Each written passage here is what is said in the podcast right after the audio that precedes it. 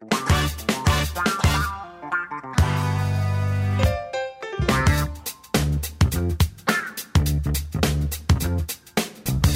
up, people? How are you guys doing? Welcome to yet another brand new episode of the Voice of Petrosian podcast, and this is me, your host, Kevin. In today's episode, we will discuss the digitalization journey in one of our departments, the Asset Management Group. Digitalization has had a significant impact on their operations, and to discuss that, we are now with Mas Adrian Antonius. He was deeply involved in the project initiation and overall transformation at AMG. So, let's go!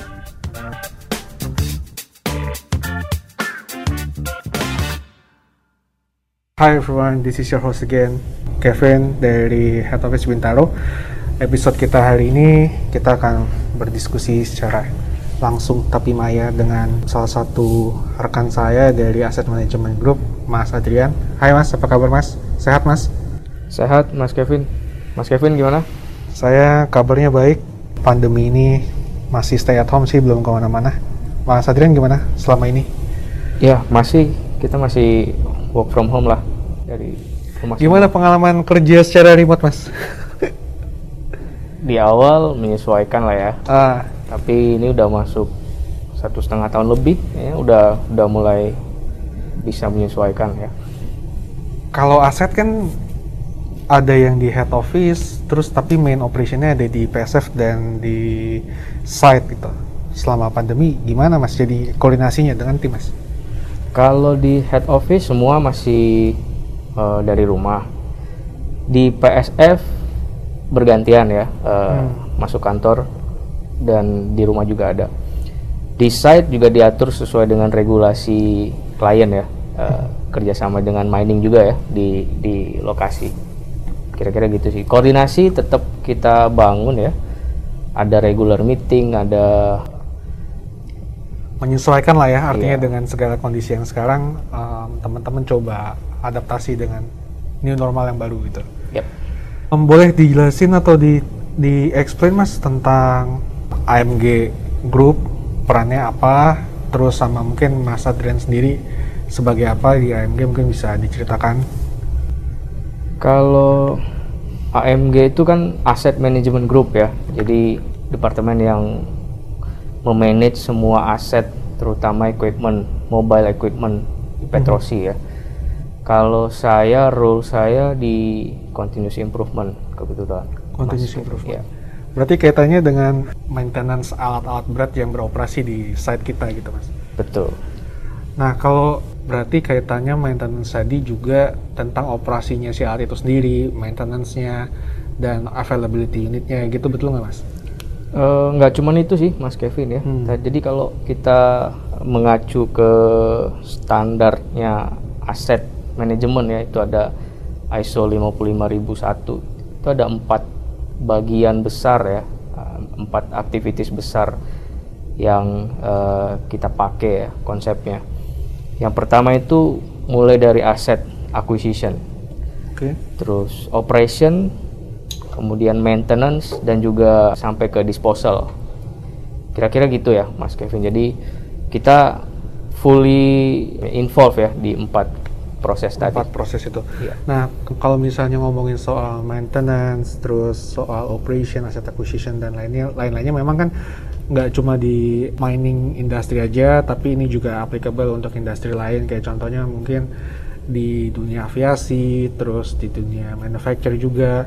Nah, kayaknya kita sepakat lah kalau misalnya kita melihat bahwa alat ini kaitannya dengan safety-nya juga dan menjadi hal yang sangat penting untuk bisa di-maintain oleh teman-teman.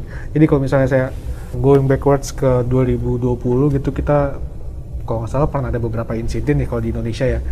Kayak KRI Nanggala 402 tuh kayaknya belum lama di 2021 unfortunately sampai sekarang masih berada di lautan Bali sana. Terus di kayaknya aviasi juga pernah dia mas ya. Sriwijaya Air sama Lion Air beberapa tahun silam nah ada sedikit part dari tim maintenance di situ nggak kalau misalnya Mas Adrian lihat Ya, eh, kalau kaitannya dengan eh, aviation dan submarine to be honest kita bukan ahlinya di situ ya Mas Kevin ya. Iya. Tapi kalau kita refleksikan ke mobile equipment yang saat ini kita manage di Petrosi, yes kita bisa itu hindari insiden-insiden serius seperti itu ya. Eh, bahkan ke next levelnya kita bisa menghindari premature failure atau kegagalan komponen ya dengan maintenance strategi dan maintenance taktik yang tepat. Oh berarti udah ada prediction sampai sedetail itu atau seperti apa dengan bantuan teknologi atau enggak atau cuma berdasarkan operational excellence sebenarnya sampai ke level premature failure itu bisa diprediksi gitu mas? Yes, betul. Dengan teknologi yang ada saat ini kita bisa, Mas Kevin ya. Kita dan kita udah menggunakan itu, Mas Kevin. Oke. Nah kalau di Petrosis sendiri itu proses atau peran dari maintenance itu sendiri seperti apa, Mas Adrian? Mungkin bisa diceritakan, Mas. Kalau maintenance ya kita fokusin ke maintenance. Pentingnya maintenance itu untuk memastikan bahwa proses produksi kita itu tetap bisa berjalan dengan aman, dengan safe ya. Terus optimal dari sisi uh, resource-nya, dari sisi productivity dan yang uh, terakhir itu dari sisi cost juga harus optimal. Nah, kita kalau saat ini di aset itu uh, kita melakukan ada namanya pre preventive maintenance ya predictive maintenance, kemudian ada repair proses dan juga ada rebuild proses. Oh, Mas jadi sebenarnya prosesnya kompleks ya Mas tadi di internal AMG udah ada yang preventifnya, ada yang prediktifnya, juga repair proses. Nah, jadi sejauh apa sih Mas digitalisasi bisa terlibat dan melakukan intervensi terhadap current prosesnya di AMG Petrosi gitu Mas? Oke. Kalau kita tarik belakang ke 2019 ya, kita mulai project digitalisasi sejak 2019 part of Minerva project pada saat itu ya. Ada tiga project yang dijalankan oleh uh, aset. Ada PDM, kemudian ada ARMS dan juga ada digital reporting. Dan uh, yang paling baru nih di 2021 ini kita ada launching uh, loop consumption application ya. Jadi uh, lumayan kita bisa intercept tuh Mas uh, Kevin ya kegiatan-kegiatan maintenance kita dengan digitalization teknologi. Jadi kalau dilihat dari inisiatif yang udah dan yang sedang berjalan tuh bukan cuma soal si alat beratnya tapi bahkan sampai uh, fluidnya dalam hal ini loop itu diperhatikan sama teman-teman ya Mas ya, dijadi part of uh, digitalizationnya AMG. Yes. Nah kalau PDM sama ARM saja itu apa itu Mas? Bisa di-explain lebih detail nggak? Singkatan dari apa? Terus um, feature teknologinya itu apa di situ? Yang pertama itu PDM. PDM itu uh, predictive maintenance.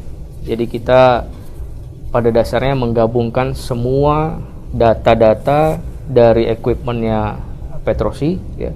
baik itu data-data online maupun data-data offline, kita olah dengan rules dan logic yang kita bangun sehingga menghasilkan aggregation kondisi atau rating kesehatan komponen. Ya jadi sampai level ke komponen ya tidak hanya ke mesinnya atau equipmentnya tapi sampai ke level komponen. Nah ini rating atau kesehatan itu nanti hasilnya ada empat. Normal caution critical atau ekstrim komponen-komponen yang critical dan ekstrim nah ini kita follow up. Kita lakukan investigasi kita lakukan perbaikan sebelum failure-nya terjadi ya. jadi eh, algoritma yang kita bangun ini saat ini udah bisa melihat potensi failure yang mungkin ada dalam 3 sampai 6 bulan ke depan. Sehingga kita punya waktu untuk melakukan perbaikan dan pemeliharaan komponen yang kondisinya buruk itu bisa kita pulihkan kembali.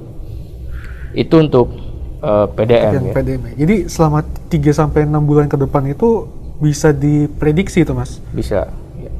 Akurasinya um, Kita ukur juga akurasinya gitu ya, eh, kualitinya, eh, akurasinya. Jadi mulai dari end to end prosesnya kita kita apa kita monitor dan kita eh, kontrol di situ. dan peran si digitalisasinya adalah untuk melakukan si prediksi tadi dia udah ngasih tahu insight-nya ke teman-teman AMG kira-kira apa seperti itu ya. Iya. Jadi peran teknologi atau digitalizationnya itu tadi mulai dari collecting atau orkestrasi datanya ya, Mas Kevin ya. Mhm. Orkestrasi datanya, kemudian bagaimana big data itu diolah dengan dengan rules atau dengan logic yang kita pakai, sehingga user friendly lah, bisa dilihat sama teman-teman. Oh ini komponennya eh, kondisinya ekstrim, catatannya apa gitu ya dari Hmm. data-datanya yang tadi kita kumpulin. Itu. Wow, interesting. Um, artinya vis- visionnya teman-teman di AMG itu dari ini PDM kalau nggak salah yang produk pertama digitalisasi ya mas ya? Atau betul ya? Ya. Oke. Terus tadi juga kesebut soal ARMS. Uh, ARMS itu adalah uh, apa mungkin mas pe- apa singkatannya sama penjelasannya kalau boleh dijabarkan secara detail mas?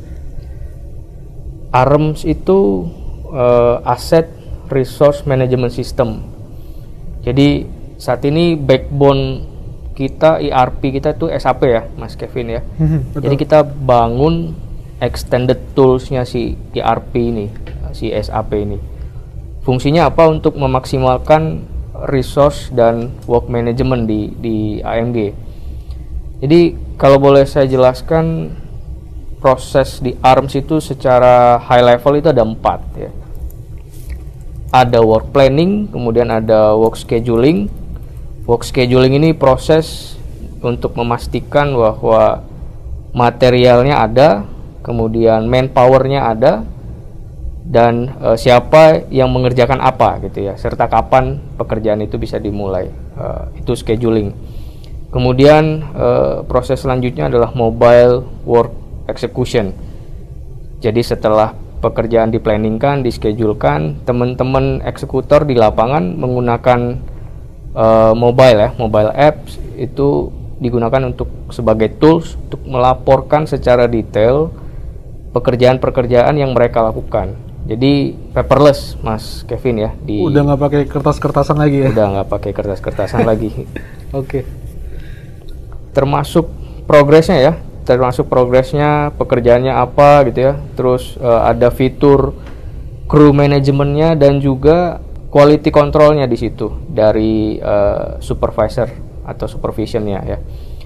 Dan juga jika pada saat melakukan execution job itu ditemukan eh, defect ada fiturnya juga di situ untuk defect management ya. Mulai dari proses inspectionnya ada proses eh, defect creationnya sampai ke approval nah yang terakhir itu eh, reporting dan dashboard ya jadi semua proses itu tadi outputnya kita tampilkan dalam eh, modul online eh, reporting dan dashboard real time information ya untuk kontrol proses maintenance yang sedang berjalan dan juga sebagai feedback untuk proses perbaikan proses maintenance selanjutnya.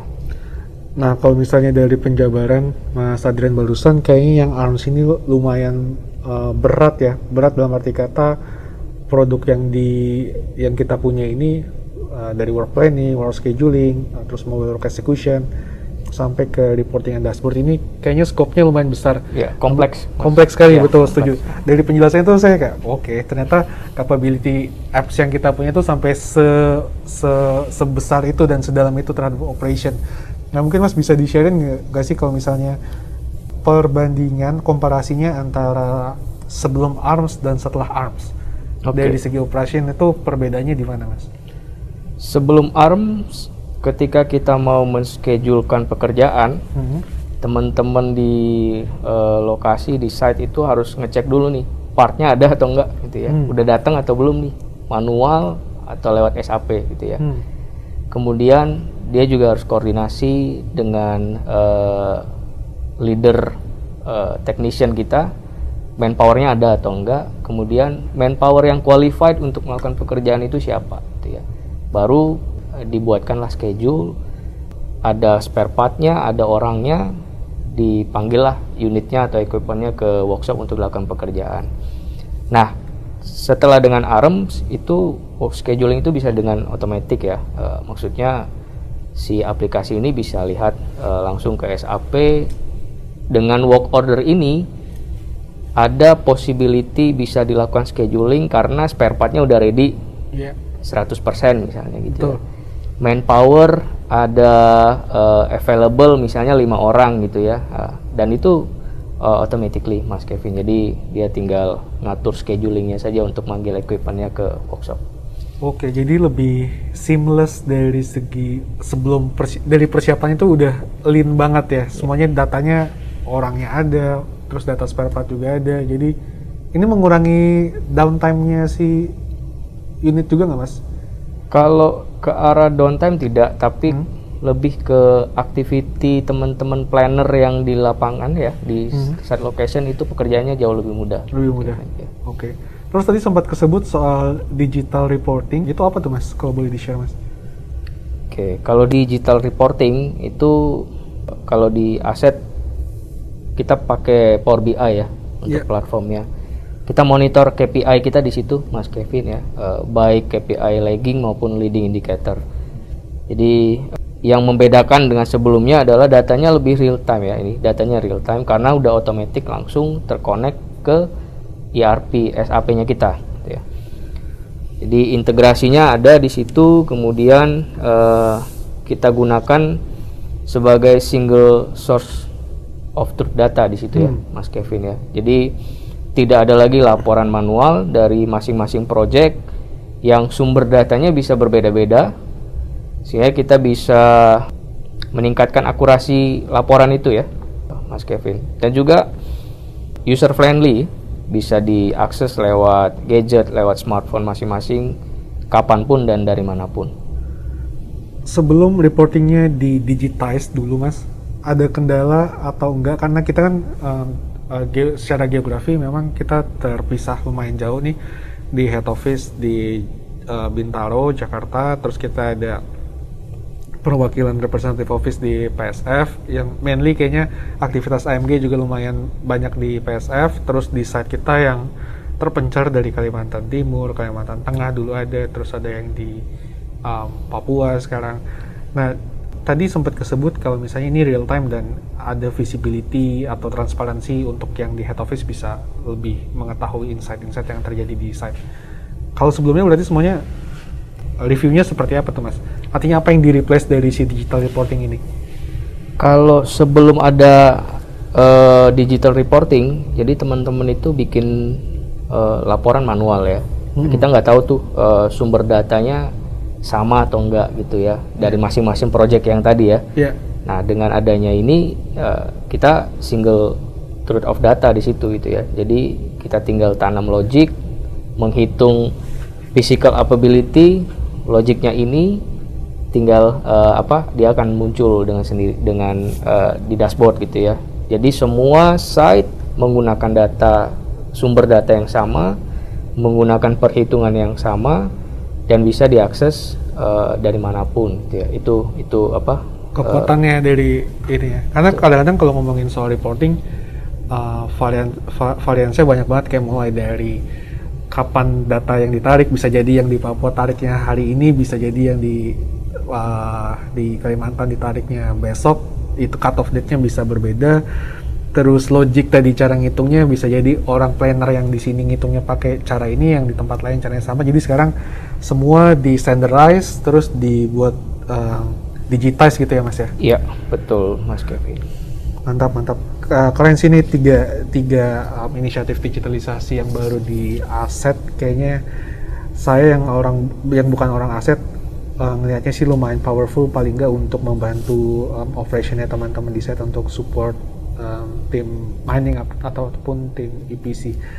Nah untuk inisiatif yang baru um, tadi untuk loop consumption mas itu apa mas? Jadi backgroundnya ya, eh, loop, loop itu oil, coolant, eh, termasuk grease juga ya. Itu ketika dimasukkan ke dalam equipment itu pencatatannya masih manual, Hmm. Kevin ya. Ya Dan yang kita handle ini kan heavy equipment ya, gede-gede gitu ya. Nah, begitu dimasukin 10 liter atau 20 liter, teman-teman serviceman atau technician nggak tahu nih 20 liter atau do- 10 liter ini bahaya nggak sih gitu ya eh, dengan dengan equipment itu gitu ya dengan komponen itu. Nah, jadi eh, goalnya di situ selain digitalization ya, kita bikin aplikasi mobile apps untuk mencatat penggunaan loop oil coolant uh, yang tadi ya uh, dan juga kita tanam logic di dalam aplikasi itu sesuai dengan kapasitas komponen yang diisi gitu ya. Misalnya nih ada engine kapasitasnya 100 liter dan kalau diisi 10 liter itu udah abnormal gitu ya. Iya. abnormal nah di situ kita pasang logic. Jadi begitu si serviceman masukin oli 10 liter dia put di uh, mobile applicationnya itu ada warning ya. Oh ini engine-nya uh, apa namanya uh, nambah oli 10 liter dan ini bahaya gitu ya. Hmm. nah early warning itulah yang kita cari uh, dan dapat early warning tentu kita follow up gitu ya. Dicari sumber kebocorannya di mana leakingnya di mana sehingga kerusakan atau kekurangan oli ini tidak menimbulkan kerusakan yang berkelanjutan gitu ya. jadi eh, apa namanya di situ eh, powerfulnya kita bisa mendapatkan early warning selain paperless dan digitalized tadi dari inisiatif-inisiatif digital yang sudah dilakukan secara garis besar em, objek- objektif atau goalsnya dari yang uh, mau dicapai oleh AMG itu apa sebenarnya mas? target kita secara departemen ya kita itu ingin mendeliver cost performance dan compliance yang lebih baik gitu ya dan salah satu challenge-nya atau salah satu targetnya kita itu eh, mengoptimalkan komponen live kita 150% dari manufaktur target life ya. Jadi misalnya engine katakanlah engine dari pabrikan dia bisa dipakai selama 20.000 jam gitu ya. Nah, kita mau extend ini kita optimalkan sampai 150 persennya jadi 30.000 jam gitu ya. Dengan solusi-solusi digital tadi eh, target kita supaya bisa mencapai 150 persen Mhm. dan menghindari premature failure ya. Impactnya itu ke mana-mana, cost, performance. ya. Oke, tapi kalau sebelum ada inisiatif tadi paling maksimal dengan uh, bantuan mata orang aja tuh komponen live paling realistis di angka berapa mas? De- dengan dengan um, scope yang sebesar Petrosi ya, kira-kira yang paling realistis berapa persen kenaikan? Sebelum dengan digitalis, di- dengan digitalisasi dan maintenance tactics yang kita gunakan sekarang, achievement kita di 2017-2018 itu achieve sih 100% eh, manufaktur live ya. Hmm. Nah, kita mau apa? Tambahkan lagi. extend lagi lah Extend gitu lagi. ya. Nah, 150 persennya lagi. Oke, kalau misalnya gini mas, kalau kita ngomongin soal uh, digitalisasi atau transformasi deh secara uh, luasnya, biasanya kita mengaitkannya dengan tiga tiga um, bagian utama yaitu proses, uh, tools dan juga people-nya. Tadi kita udah sempat discuss sedikit tentang proses dan tools-nya. Mungkin soal people-nya, mas saya mau coba masuk dari sisi AMG bagaimana rekan-rekan di site, di PSF ataupun di head office menerima uh, produk-produk digital ini atau inisiatif-inisiatif digital dari um, mis- uh, visi dan misinya corporate gitu. Kalau dari sisi people ya, eh, bagaimana mereka eh, menerima dan menggunakan eh, apa namanya tools-tools digital tadi, Ya.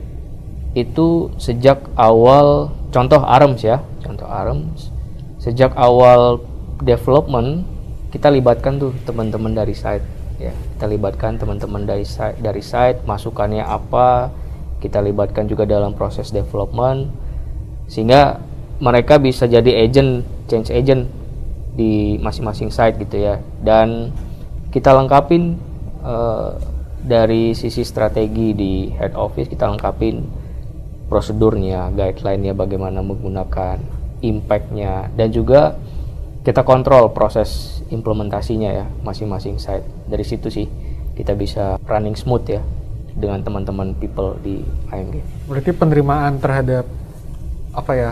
Mungkin saya bisa sebutnya uh, digital mindset itu di tim AMG sekarang bisa dibilang sudah on ya, maksudnya udah udah ada gitu ya. Bukan cuman on sih kayaknya ya, udah udah Beyond. ya, udah udah lebih dari itu ya. udah running dengan Oh. udah apa ya namanya ya, business as usual lah ya. Nah, Ah, oke itu. oke.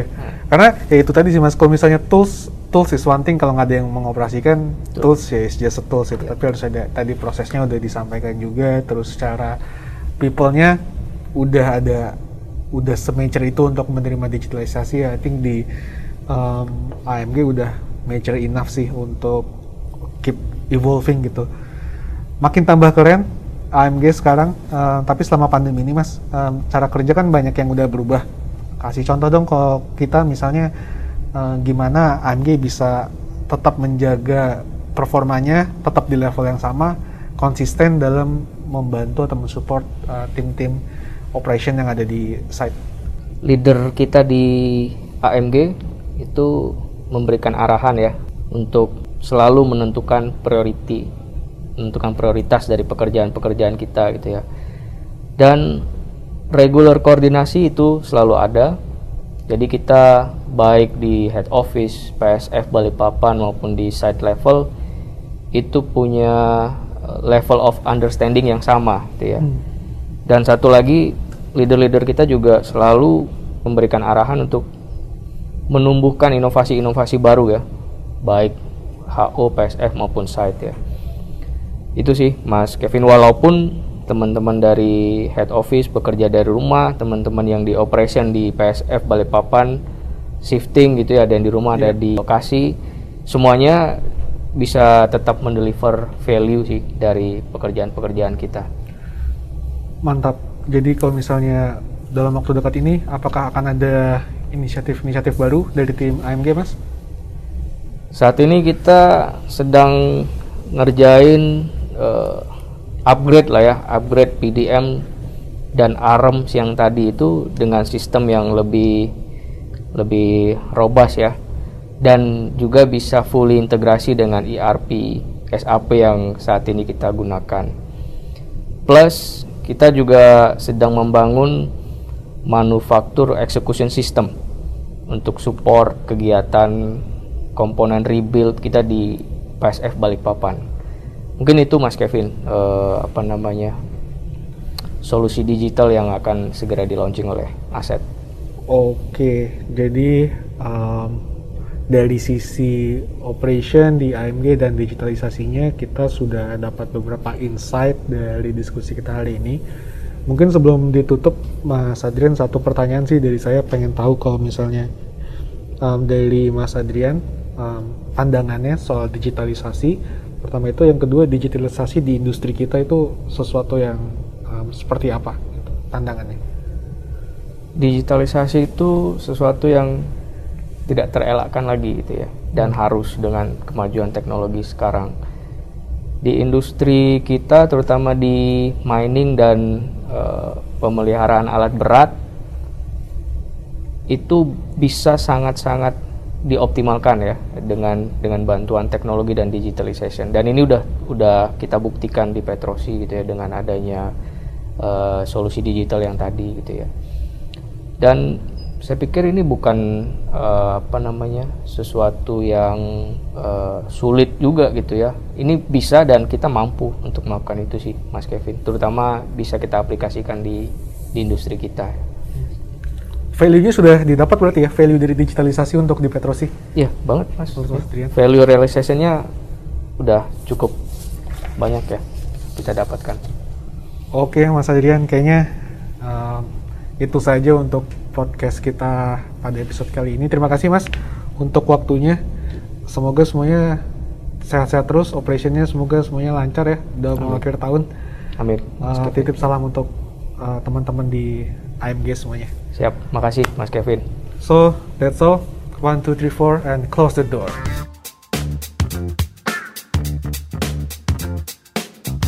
Hi, thanks for listening. This podcast is brought to you by Petrosis Human Capital and the Transformation Office.